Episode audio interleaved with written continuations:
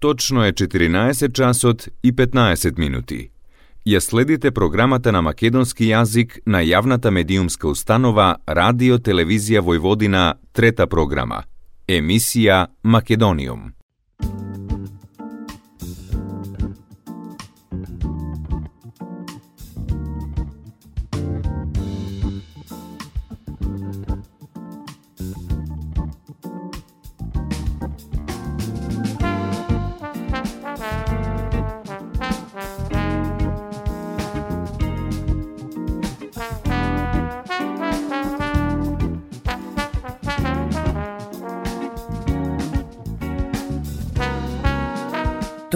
Добре дојдовте во најновото издание на емисијата Македониум. Со вас, почитувани слушатели, е вашиот уредник и водител Јулијана Милутиновиќ, секоја среда со почеток во 14 часот и 15 минути на фреквенцијата на третата програма на радиото при Радио Телевизија Војводина Радио Нови Сад. 20 години наназад се испишува една успешна приказна.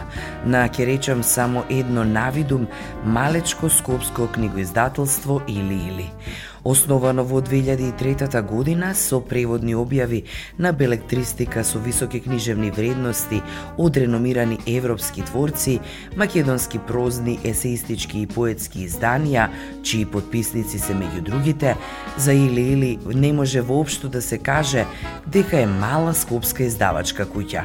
Или или е особено книгоиздателство по тоа што открива млади македонски автори, меѓу кои неколкумина освоија и неколку од најзначајните национални книжевни награди, како и бројни регионални и европски награди.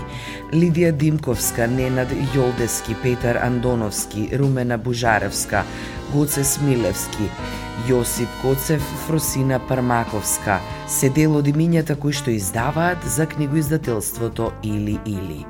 Со ваквата заложба за афирмација на млади автори и оние кои допрва доаѓаат на книжевната сцена, Или Или е издаваштво кое професионално и со љубов ни нуди квалитетна и одбравна книжевна понуда и љубов кон пишаниот збор на македонски јазик. Македониум Неодамна во Скопје зборував со Ненад Стевовиќ, човекот кој успешно ја води оваа приказна за Дилели. Задоволство е да се зборува со човек кој е во секојдневен допир со читателите во книжарницата во центарот на Скопје. Колку македонците и што читаат? Па, не знам, некако, некако ми е секогаш ова прашање ми е, е најтешко. Делува многу едноставно, но тешко ми е да, да одговорам на тоа, бидејќи нели, имам своја издавачка куќа, имаме своја една книжарница и ова можеме да зборуваме за тие некои наши наши искуства, а вака генерално би било тешко да да зборувам. Би било поинаку да сум собственик на некој а, многу на некој а, голем ланец на на книжарници каде што на не знам некои супер локации како што денес тоа се случува по вие големи а, молови каде што според новите навики нели за за купување каде што се а, движат луѓето и каде што купуваат, но ние не сме таков случај, ние имаме ние сме мал профилиран а, издавач со една мала а, книжарница тука а, во центарот на Скопје. Па, можам да кажам дека Па веројатно се чита просечно. Веројатно, веројатно многу многу помалку отколку во а, Србија. Ова, но Србија е феномен во тој поглед. Мислам дека е феномен дури и во некои пошироки, да не кажам а, светски рамки, наистина. Тоа е неверојатно колку се каква е продукцијата во Србија, колку книжарници има, колку се полни, какви се а, саемите, колку посетители има на тие саеми А, ние сме веројатно во некој некаков ова просек и по повеќе мене ми е ова ме интересира не тоа колку се чита, туку што се чита. А во најголем дел ова се чита таа некоја најкомерцијална а, литература, лапни голтни ја викам, која што нели се чита се заборава веднаш до наредниот хит и така некако квалитетната литература, да, има има своји читатели, но се разбира дека тоа е многу помалубројна публика. И жал ми е што во тој наплик на, на многу наслови, навистина сметам дека во Македонија има многу наслови, едноставно немаме е, немаме мокна абсорбција за за толку а, наслови и во тие а, услови, во тие услови многу квалитетни а, а, дела остануваат незабележани или речиси незабележани. Македониум Во најавата споменав дел од имињата од македонски автори кои објавуваат за книгоиздателството или или, а Нинад ми кажа и како започна приказната за книжарницата, а подоцна и издавачката куќа. Да, покрај Румена има уште многу, многу други. Интересно е што ние се нашата издавачка куќа или или е оформена, формирана е 2000 И втора кон 2003 година со издаваштво почнавме да се бавиме неколку години подоцна. Во прво време мислевме дека ќе се занимаваме само со преводна литература, бидејќи во тоа време познатите, попознатите имиња од македонската литература веќе гравитираа кон постарите издавачки куки И така ние тука ниту сакавме да се вмешаме нешто, ниту пак мислам едноставно си има издавачки куки со кои што си работат. Но за среќа ова се појави една генерација од најголем дел од 80-тите. Ова една многу а, интересна млада генерација на а, писатели и некако ни се погодија сензибилитетите и ние бевме а, отворени а, за нив, бидејќи добар дел од нив и се обидуваа да дојдат до до овие попознатите а, издавачки куки, но таму има разни филтри и мислам потешко потешко се се доаѓа до објавување на на книга. А, и тој некој нов книжевен бран го најде местото во нашата издавачка куќа и ова наистина или или стана препознатлива по македонската а, литература. кај нас секоја година а, се одржува конкурс за а, роман на годината.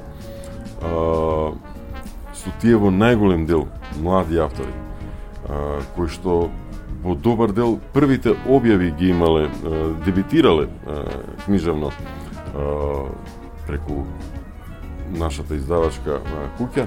Значи, во 15 години, колку што со своји дела учествуваме на овој конкурс за роман на годината, во тие 15 години 13 пати имавме минимум еден финалист, а пет пати сме е, автори од или или ја добиле оваа најпрестижна книжевна награда и тоа се се автори кои што до тогаш биле речиси или сосема непознати на македонската книжевна сцена. Да, Румена Вужаровска е секако најпозната, она остварува и супер интернационална кариера. Знам дека во Србија преку издавачката куќа Бука е многу популарна, супер прифатена, така и во целиот регион. Драго ми е што тоа а, оди и надвор од, од регионот, големи светски издавачки куки, престижни, ја објавуваат и тоа е навистина супер. Покрај Румена тука имаме уште навистина други супер имења, тука е Лидија Динковска, која што исто е преведувана и во и во Србија и во Европа. Петар Андоновски, Фросина Пармаковска, Давор Стојановски, наистина Симона Јоановска, има многу, многу интересни имиња, особено за регионот. За жал се чини дека ние и словенците веројатно сме во тој поглед некако во потешка ситуација бидејќи нашата продукција треба да се преведува а во другите земји меѓу себе или не се преведува или постојат мали адаптации само на, на, на тие книги, што значи дека и продуктот до тој продукт потешко се доаѓа, е поскап, треба да се преведува и така, но полека полека мислам дека дека стануваме препознатливи и но на тоа треба да се да се работи професионално. Ние овде немаме книжевни агенти, немаме а, агенција за за за книга и ова, затоа е многу многу потешко, наистина. Македониум Токму деновите после разговорот со Ненад Стевовиќ беше во најава ново издание на македонскиот поет, раскажувач, романописец, книжевен и ликовен критичар, есеист, антологичар и преведувач Влада Урошевиќ, токму за Или Или.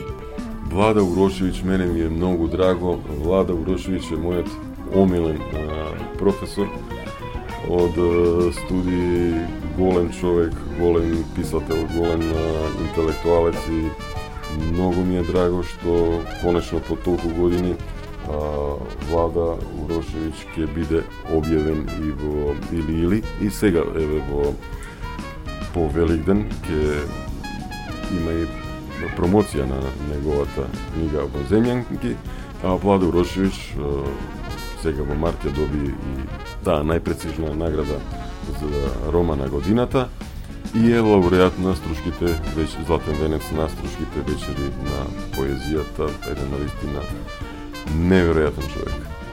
Во или или ке издаде една супер збирка раскази и многу сум среќен поради тоа. Македонијум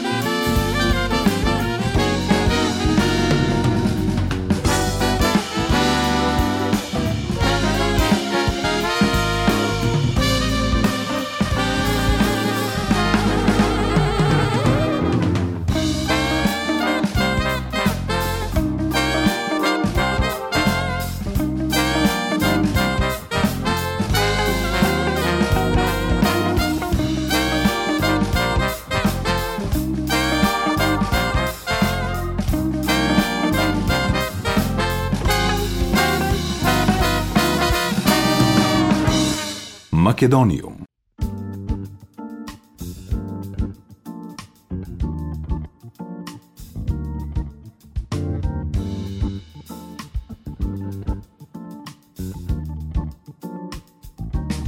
Во Македониум денес Ненад Стевовиќ, собственик на книгоиздателството и книжарницата Или Или од Скопје. Зборувавме и за тоа дали постои соработка во регионот.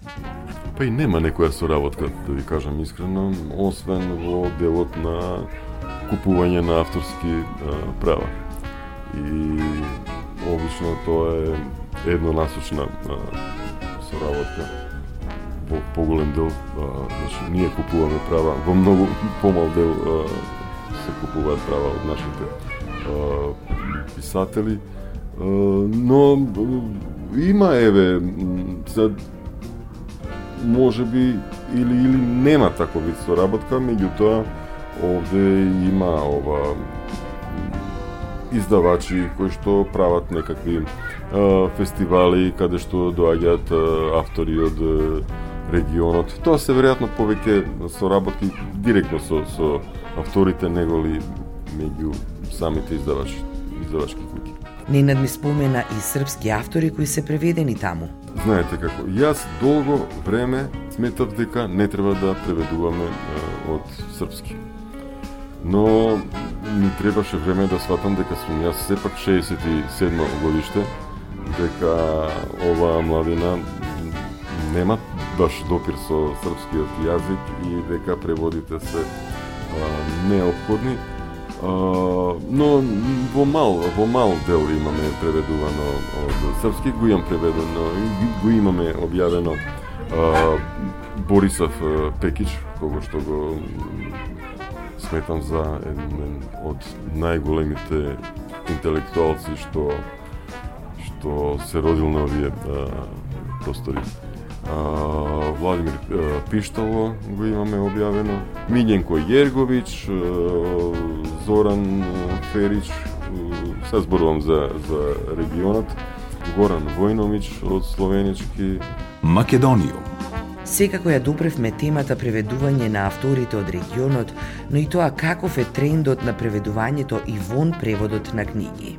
Проблемот е тоа што има а, голема а, продукција, навистина голема продукција, а која што треба да се покрие со преведувачи, со лектори, едноставно ние немаме толку голем број на квалитетни а, преведувачи.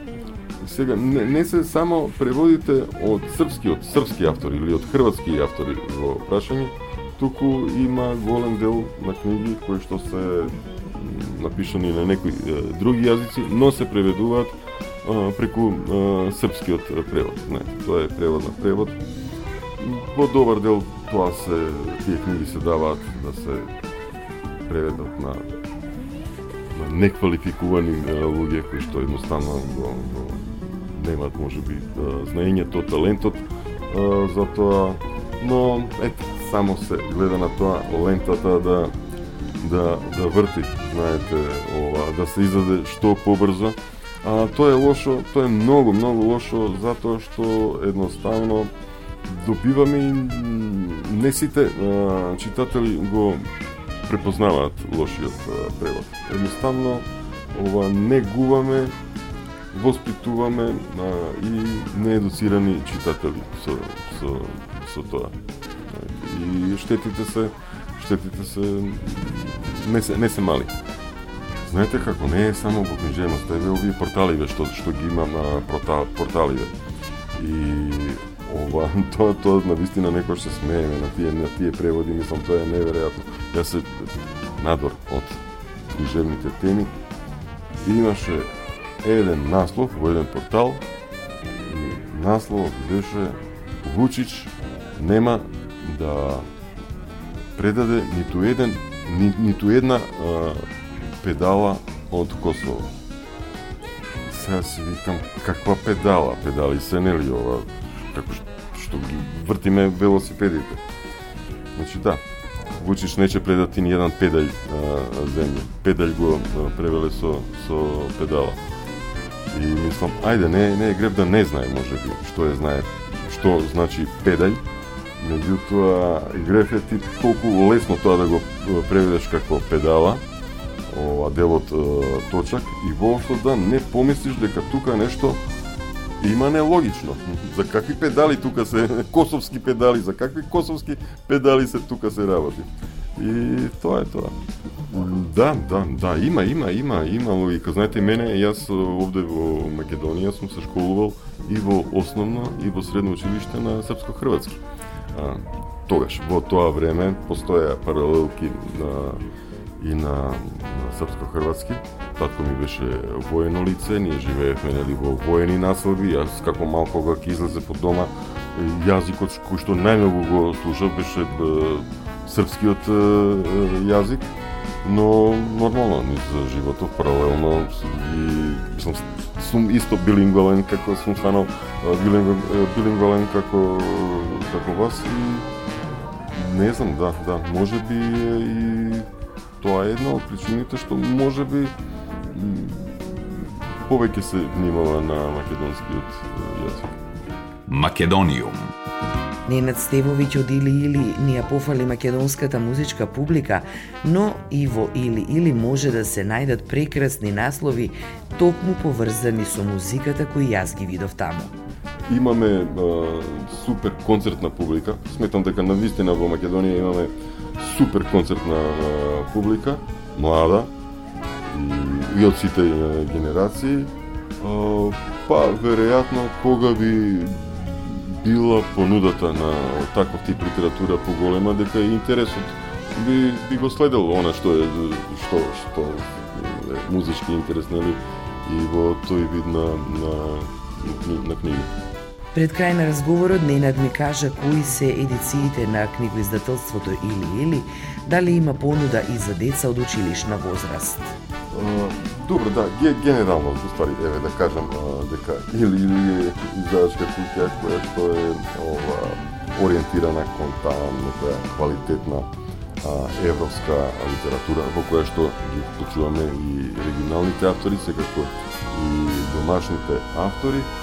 А, кои што се застапени во нашата носечка едиција Проаза, која што има над 200 наслови. Имаме една едиција која што се вика исто како издавачката куќа или или тоа е така да кажеме едиција која што се застапени есеистички книги, теоретски книги, имаме една мала драмска едиција која што почнавме сега да ја развиваме, која што се вика Сцена. Потоа една едиција која што се вика Арго, а тоа е едиција на преводи од класични јазици од старогрчки и латински. Едицијата Virtus, па, која што се занимава со некои големи имиња кои што ја обележуваат културата И тука е доаѓам до одговорот на вашето прашање. Исто така имаме поетска едиција поеза и ја имаме а, едицијата Диете приказна. А, тоа се нели книги за помладата публика и која што ова едиција до сега број мислам дека се само пет, пет наслови. Ова не сме многу препознатливи по, по литература за деца. Овде се повеќе и повеќе се се развива таа тој дел од издаваштвото. Но ето, имаме имаме неколку наслови, добри се, убави се. И сосема на крај пораката на Ненад за слушателите на Македониум. Добро, ова би можел да спомнам дека ова да побараат во во книжарниците некои од македонските автори покрај Румена Божаровска, знам дека на српски се преведени и преведена е Фросина Парнаковска, Давор Стојановски, Петер Андоновски. Нека ги побараат македонските автори преведени во Србија, нека да, ефте, да, да бидат во тек колку толку со тоа што се случува на македонската книжевна сцена. Македониум Во денешниот Македониум, почитувани слушатели, го слушнавте разговорот или само дел од него со Ненад Стевовиќ, собственик на издавачката куќа и книжарница во центарот на Скопје, или или. Мене ми беше особено задоволство да зборувам со господинот Стевовиќ. Почитувани слушатели, тоа беше се во денешното издание на емисијата Македониум. Поздрав до следната среда во исто време од вашиот уредник и водител Јулијана Милутиновиќ.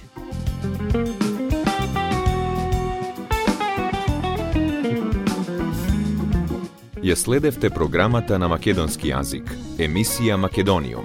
Главен и одговорен уредник Воин Поповиќ.